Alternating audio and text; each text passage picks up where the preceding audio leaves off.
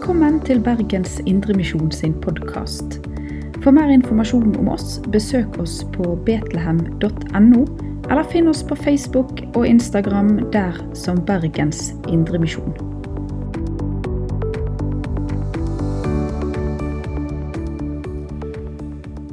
Da har jeg lyst til å ønske dere alle ei gledelig pinse. Både dere som hører til her i Bergens Indremisjon, og dere som nytter anledningen nå på pinsedag til å få med gudstjenesten herifra, ellers eh, over eh, nettet på Facebook.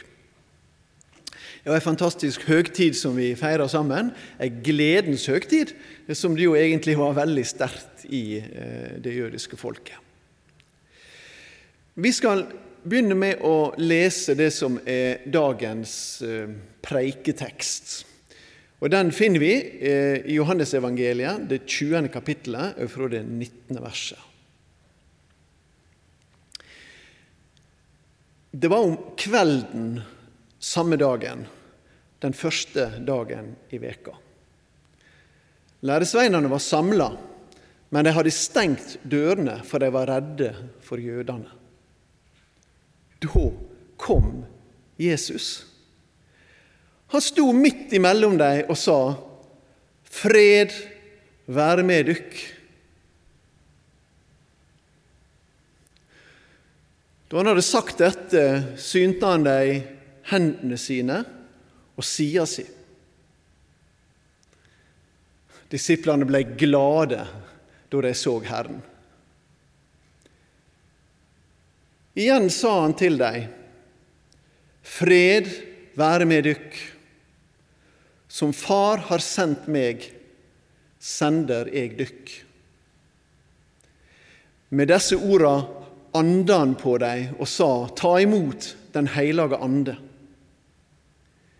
Tilgjev de noen syndene deres, skal de være tilgjevne. Held de fast for noen, skal de være fasthaldne. Slik lyder Herrens ord. Det er jo litt rart, egentlig, at vi skal ha ei tekst fra påskedag på pinsedag. For dette er altså den første kvelden etter at Jesus hadde stått opp igjen på morgenen på påskedag. Og Hvorfor i alle dager er det blitt ei tekst på pinsedag? Ja, Det er det jo gode grunner til, naturligvis.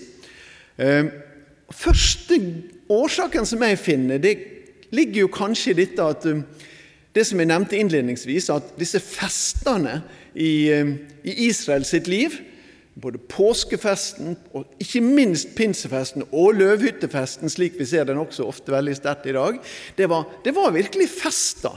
Det var feiring, det var glede. Og denne pinsefesten i Israel, når vi leser i Tredje Mosebok om den, så er det altså en feiring av, eh, av at kornhøsten, spesielt bygghøsten, er i gang. Og en feiring, en glede over høsten som er i gang. Og Det var andre aspekter også ved denne dagen, men det var en stor, stor gledesfest. Og På en måte så må vi si det, da, eller på alle måter må vi kanskje si det, at, at uh, påskedag peker jo nettopp Det er jo der gleden starter. Og den peker fram mot gledesfesten. Og Sånn sett henger det godt sammen. Og så er det også slik at uh, på i pinsa i det gamle Israel så var ikke det bare det at de feira bygghøsten, kornhøsten, men det var en annen ting som de også begynte å feire med åra i det jødiske folket. Og det var at de brukte pinsefesten som en markering av den nye pakta som Gud inngikk med folket på Sinai. Der det jødiske folk på en særlig måte ble knytt til Guds ord, til Guds forplikting i lova, men også til Guds løfte. Og Sånn sett også så er det en djup sammenheng mellom påska og pinsa. For det som skjer i påska, er at Jesus, når han dør for syndene våre, så oppretter han denne nye pakta som det er profetert om i Det gamle testamentet, og som også peker fram mot pinsa. Fordi at det er det Peter sier på pinsedag når han taler til alle disse i Jerusalem. Så sier Peter noe om at i dag er det oppfylt det som profeten Joel har snakka om. og han kunne for den del ha snakket profeten Jeremia snakka om i kapittel 31, der han snakker om at Gud skal forvandle hjertene våre, så vi kjenner Hans vei og vilje innenfra. Eller som profeten Isekiel sier i det 36. kapittelet, der det står at han skal bytte ut steinhjertet vårt med et kjøtthjerte og ved si hellige ånd. Det er mange sånne løfter i Det gamle testamentet som peker fram mot denne dagen, der påska og pinsa møter hverandre. Fordi det som Jesus gjorde når han bar fram sitt liv og sitt blod som et offer for våre synder, det var at han fullførte frelsesverket. Og her på pinsedag så bekreftes denne nye pakta. Og så kommer Den hellige ånd og tar bolig midt iblant oss. Og Sånn ser vi at det er en djup, djup sammenheng Så er gjør at det er faktisk ikke så underlig at en tar denne teksten. Men la oss nå ikke forlate påskedagen helt enda. For der inne satt de altså, i dette stengte rommet ti redde mannfolk, må han vel si. Vel, De hadde jo hørt rykter gjennom dagen. Det var noen forvirra kvinner som hadde sagt noe om at ja, men Jesus lever, og vi traff noen engler og alt det greiene der. Mm, de hadde ikke helt sikkerhet for det der. De satt bak stengte dører. Og Det står at de satt bak stengte dører fordi de var redde for jødene. Og Det må ikke vi misforstå på en sånn måte at det sier noe spesielt om jødene og det jødiske folket. For de som satt innenfor disse veggene, var også jøder. Og han som kom igjennom dører og vegger som den nyoppståtte Jesus, han var også jøde. Eh, så vi må ikke bruke dette uttrykket som et uttrykk mot jødene, men i Johannesevangeliet så brukes ofte dette begrepet jødene om det jødiske lederskapet, de som sto opp mot Jesus. Men her kommer Jesus til en flokk av jødiske menn, og der dannes på en måte kimen til dette nye folket som vokser fram, og som springer fram også da på pinsedag. Det nye gudsfolket av jøder og av hedninger. Det er på en måte nødvendig å si det, at den kristne kirke faktisk i bunnen er jødisk. Fordi at det er ikke et sånt radikalt brudd fra Det gamle til Det nye testamentet med hva folk som hører, hører Gud til, og som er utvalgt. Det er vi som er hedninger av fødsel. Det er vi som er blitt poda inn på dette treet av løfter fra Abrahams tid, og som Jesus er den som oppfyller. Inni dette rommet så leser vi altså bare fem vers. Den historien som jeg fortalte her i stad, det er en historie på fem vers i Bibelen. Det er ikke så veldig langt. Men i løpet av de fem versene så passer Jesus på to ganger å si det samme. Og Johannes, som har skrevet ned dette, han passer på å få med seg begge gangene. Og er det godt anvendt papir og tid å skrive opp igjen en gang to ganger når du har så lite plass på å skrive det? Ja, Det går an å se det på andre måten, nemlig når han sier en ting to ganger, så må det være kjempeviktig at han sier det. Sånn velger jeg å forstå det. Og Jesus sier altså to ganger 'Fred være med dere'. Hvorfor sier Jesus det to ganger til deg? Ja, Her tenker jeg at han på én måte har han to forskjellige budskap, og på den andre måten så henger de veldig, veldig nøye sammen.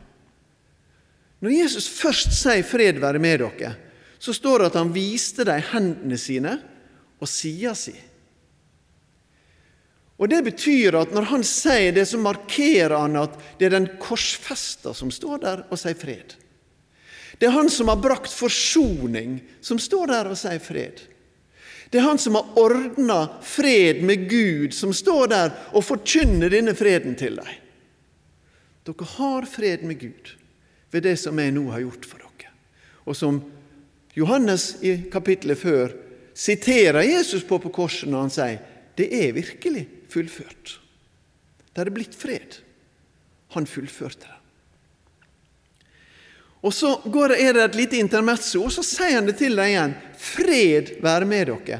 Og så går han umiddelbart videre og sier, som Far har sendt meg, sender jeg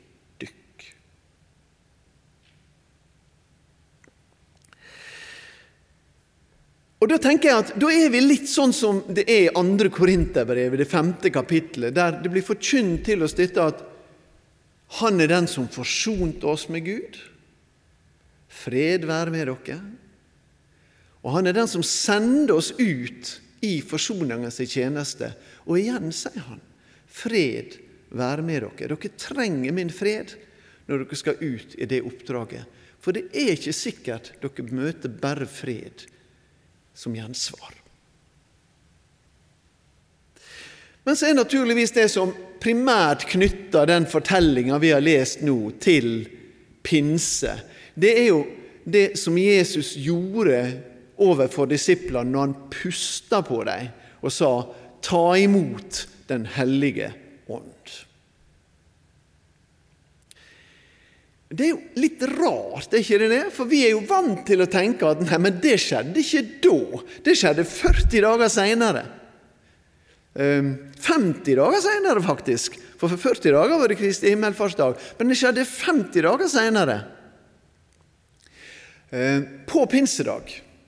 Og Da kom jo Den hellige ånd og falt som lue over dem. Som ildslue over dem. Var ikke det da han kom? Var ikke det da han fylte dem? Var ikke det da på en måte han inntok deres liv? Hvordan skal vi da forstå det som Jesus gjør her på påskedag, med ti disipler og apostler innsped spe foran seg?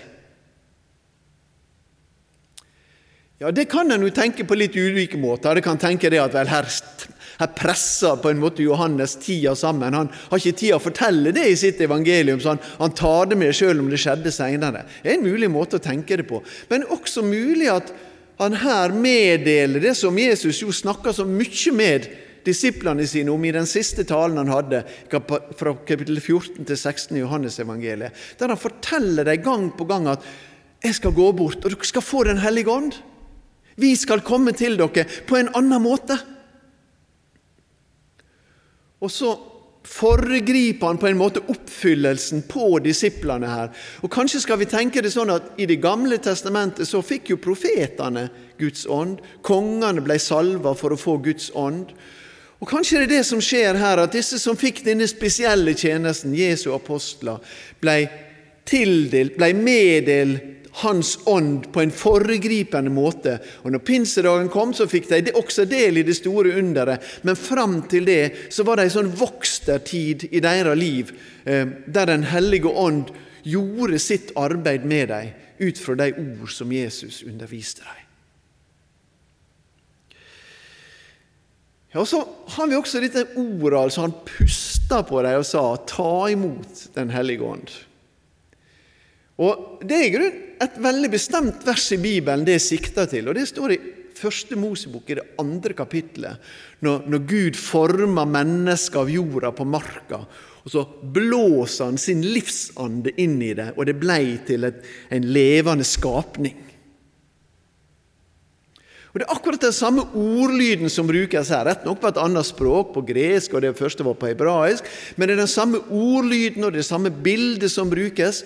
Gud blåser, Jesus blåser skapingens ånd på disiplene for å vekke dem til det nye livet. Ja, ikke det at de ikke hadde det, for de hadde vandra med han, de hadde kommet til tro på han. Eh, og likevel, de trengte denne livgivende ånd inn i livet sitt. Og vi trenger Guds livgivende ånd i våre liv. Ja, Vi kan ikke komme til tro på Jesus uten ved Guds livgivende ånd. Og Da tenker jeg at det som skjer her, og det som også da skjer på pinsedag, det er jo kanskje ikke først og fremst kirka sin fødselsdag, for vi blir jo bare innlemma i et folk som var der av de som hørte Gud til, og som er oppfylt i Jesus Kristus. Vi er blitt ett med de truende av det jødiske folket. Men kanskje er det en enda større sak som skjer her på pinsedag, og her i dette rommet, nemlig at det er misjonens tidsalder som bryter inn. Misjonens tidsalder. Fordi at Det som skjer når Den hellige ånd kommer, det er at den blir ikke forbeholdt profeter og konger lenger. Den blir ikke forbeholdt noen få. Men den kommer for å gjøre evangeliet tilgjengelig for alle. Det er jo første frukta av pinsedag.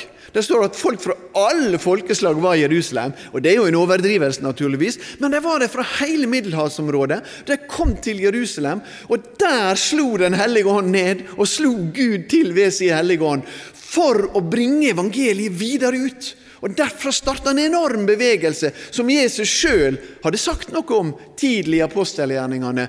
Dere skal få kraft når Den hellige ande kommer over dere. Og dere skal være mine disipler i Jerusalem, der begynte det, i Judea, til Samaria og like til jorda sine ender.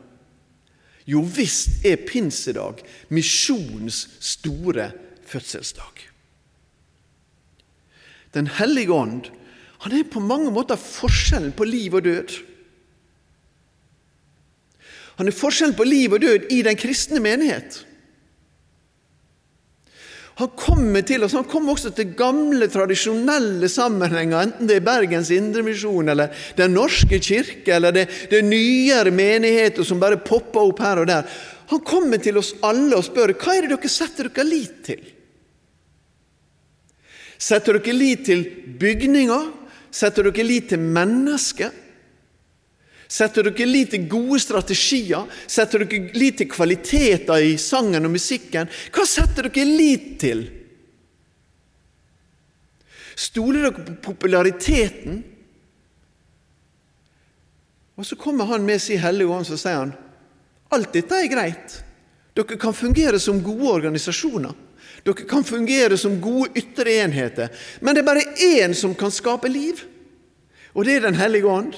Og det kan han gjøre om ikke den kvaliteten eller den tradisjonen er ivaretatt på den og den måten. For han gjør som han vil. Og han vil at vi skal bøye oss for han og, og si de ordene som også kommer til oss, eh, og som Jesus sier til oss i dag. Ta imot Den hellige ånd, så jeg får fornye livet ditt. Så jeg får fornye menigheten din. Så jeg får fornye misjonskallet i den misjonssammenhengen som du står i. At det ikke bare blir fine strategier, men at det blir et liv og en drivkraft ved Den hellige ånd. Ja, hva er det som er Åndens oppgave?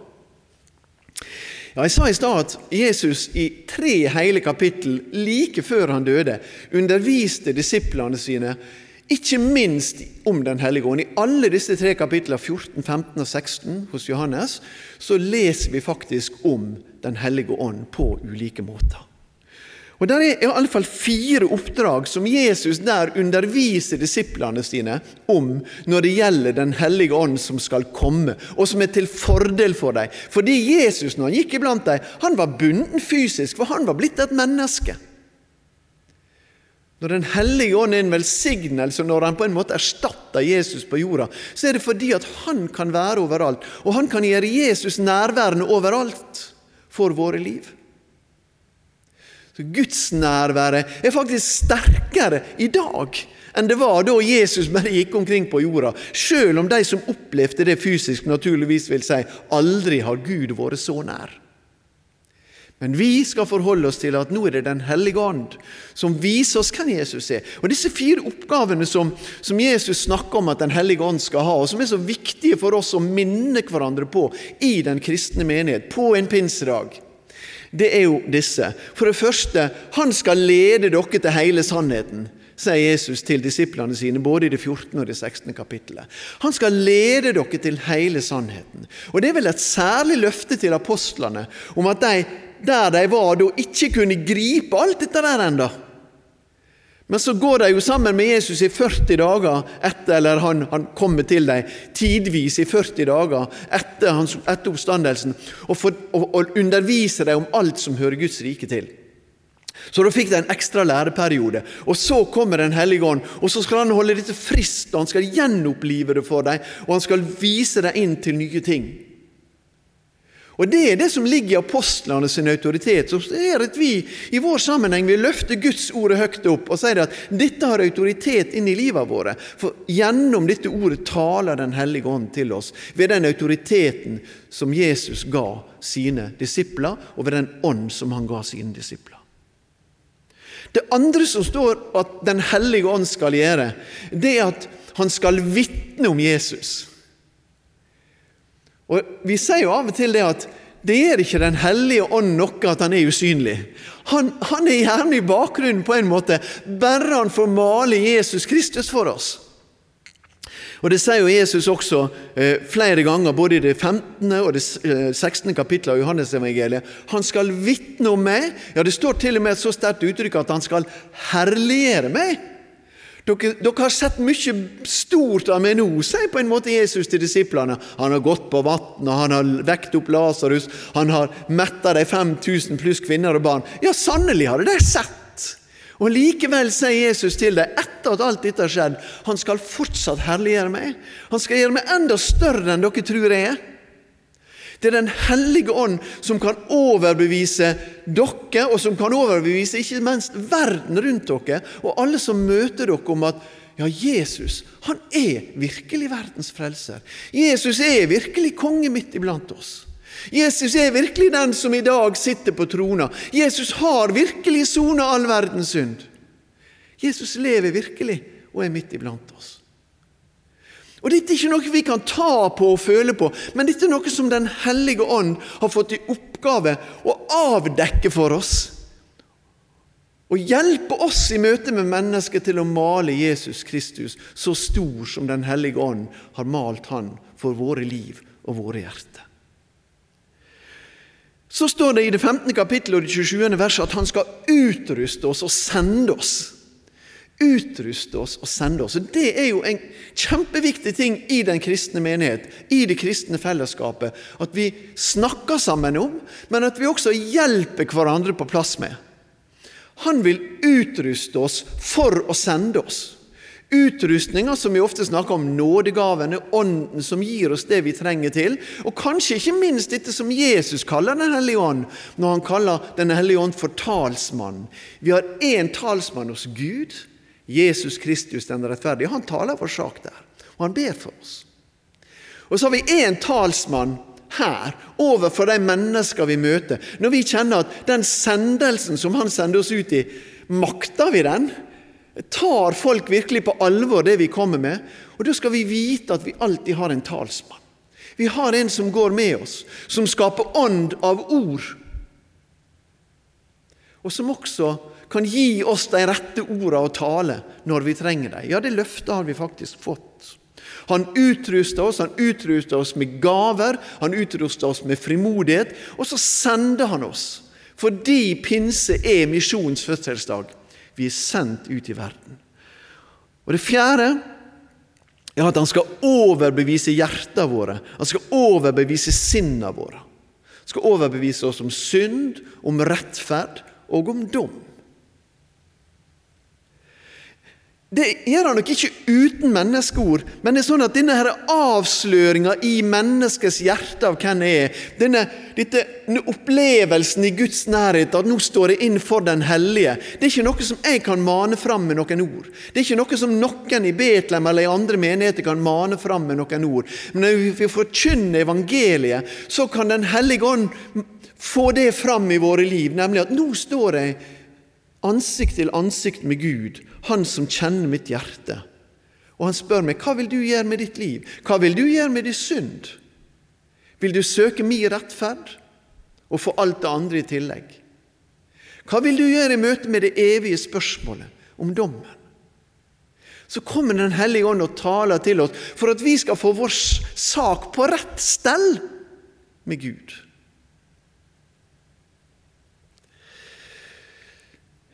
Jeg har lyst til å si litt mer om dette at han sender oss. For det er jo åpenbart det han sier det. Som Far har sendt meg, sender deg deg. Og det som er så, som er så sterkt i Det nye testamentet og i evangeliet, da, det er jo dette at, at Jesus, han som er Gud fra evighet av, han ble sendt til oss. Og når han trekker seg tilbake, så sendes Den hellige ånd, som også er Gud fra evighet, til oss. Og det er ingen annen tru i verden som kan ha tru på en Gud som sender seg sjøl. Fordi at hvis Gud bare var den ene på den måten at han ikke var Fader, Sønn og Hellig Ånd, så kunne ikke Gud sende. Da kunne Gud bare komme. Men her sender Gud. Han demonstrerer på den måten at det fins ikke de grenser som han ikke vil gå over, for han vil etterfølge oss og etterjage oss alle vårt livs dager for at vi skal bli funnet av Han, og for at vi til slutt skal vende oss til Han og si 'Jeg gir opp flukta mi fra deg'. Jeg gir opp kampen min mot deg. For du har i grunnen bare etterjaga meg med godhet og miskunn. Så hvorfor skulle jeg flykte lenger? Slik er den sendende Gud. Han sendte ikke Jesus til verden for å dømme verden, men for at verden skulle bli frelst ved han. Sendelsen helt sentralt på pinsedag og for den kristne menighet. Hva ligger i dette oppdraget? Ja, Det er den siste biten vi skal si om, åndens oppgave. Hva ligger i dette sendelsesoppdraget? Ja, Det er én ting Johannes sier om det, eller Jesus sier om det her. Og Det er akkurat det samme som Lukas sier om det i slutten av kapittel 24. Det er akkurat det samme som Peter sier på pinsedag i apostelgjerningene 2 når han taler. Og det går igjen ellers også, ikke minst i apostelgjerningene. Det er én ting som er viktigere enn alt som han har å meddele oss når han sender oss, og som vi skal meddele. Og det er dette Tilgjev de noen syndene deres, skal de være tilgivne. Den hellige ånd sender oss ut i tilgivelsens tjeneste, dere i tilgivelsens tjeneste. Fordi vi er blitt tilgitt. Fordi vi er blitt ettergylt all vår skyld. Fordi han har fjerna det og sier at han har ikke glemt det engang. Han sier at 'det har du aldri gjort'. Så langt det vekk er det fra han. Tilgivelsens store under, der det senkes i glemselens hav. Og Det er et budskap vi er sendt til å gå med. Og så minner han oss på at det kan komme til å bli tatt imot. Da blir det til tilgivelse. Men det kan også komme til å bli forkasta. Og da blir det til fastholding i synd. Og Det er en merkelig sak, fordi at tilgivelse det skulle vel mennesket ønske seg. Ja, Jeg kjenner mennesker som har snakka med meg og sier jeg vil ikke høre noe om tilgivelse. Jeg tror ikke på det. Jeg kjenner faktisk ganske mange mennesker som blir litt sånn litt sint nesten når vi som kristne snakker om tilgivelse. For tilgivelse forutsetter at det er noe å tilgi, at det er synd. At vi står ansvarlig overfor noen, overfor hverandre, men faktisk at vi står ansvarlig overfor Gud. At ikke vi er egne herrer og kvinner i egne liv, men at det er overfor Gud vi står med livet vårt. Og Dermed så får vi en motstand mot det. Kanskje en motstand som noen ganger er er trigga av at noen fikk dårlig samvittighet. Og det ville ikke de ha. Og Jeg har tenkt det i møte med den stortingsdebatten som vi har vært vitne til denne veka her, der mange er så sinte. De er så sinte og, og erklærer at uh, dere har ikke Det er noen som da ikke får lov å ha monopol på samvittighet. Og jeg lurer på, Er det fordi det rører ved noe grunnleggende djupt ned oss? Vi veit det er galt å utsette de svakeste for risiko. Vi gjør det likevel, og hvis noen minner oss på det, da blir vi sint. Fordi vi veit at de har rett. Men vi vil nekte å følge det. For vi vil være autonome. Vi vil ikke følge Guds nomos, Guds lov. Vi vil følge vår egen lov. Altså, Vår tid trenger tilgivelsens evangelium. Men når vi går med tilgivelsens evangelium-misjon, så kan det tas imot. Det blir tatt imot. Det er noen som vet at de trenger det. Men det er noen som er støyter det fra seg. Og det må vi leve med. I sorg, men vi må leve med det. Så er det der vi kommer i enden av denne pinsedagspreika. Der som Jesus står overfor disiplene sine, og så sier han, ta imot den hellige ande. Du har hørt et budskap i dag om at vi er sendt. At vi er sendt i forsoningens tjeneste til å gå med Guds fred. Men at denne Guds fred ikke nødvendigvis blir tatt imot, at det kan vekke strid. Vi trenger å øve vår frimodighet. Og vi trenger å be Den hellige ånd ta bolig i våre liv på en slik måte at vi bryter ned menneskefrykta og går i den store gudskjærleiken. Eh, vi trenger så sårt talsmannen i våre liv. Og overbevisning om at han går med oss i våre liv. For hva står igjen i Bergens Indremisjon hvis Gud tar sin ånd bort? Og Vi skulle ønske vi kunne si ingenting bortsett fra et tomt bygg.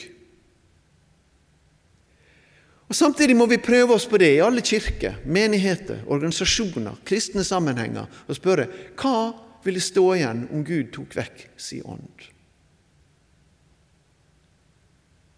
Vi trenger Den hellige ånd i våre liv. Det står om våre egne liv, for det er bare Han som kan gi og oppreholde livet i oss.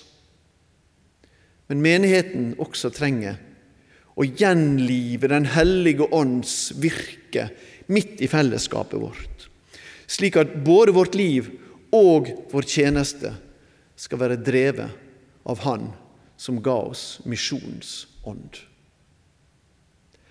Herre gode Gud i himmelen, vi takker for at du har gitt oss De hellige ånd. Og vi ber Gode Hellige Ånd at du skal gjøre denne overbevisningsjobben i våre liv, som gjør Jesus Kristus stor for oss, og som gir oss det motet som skal til, i din kraft, til å være sendt med evangeliet, evangeliet om tilgivelsens dype budskap. Amen. Du har lytta til Bergens Indremisjon sin podkast. For mer informasjon om oss, besøk oss på betlehem.no, eller finn oss på Facebook og Instagram der som Bergens Indremisjon.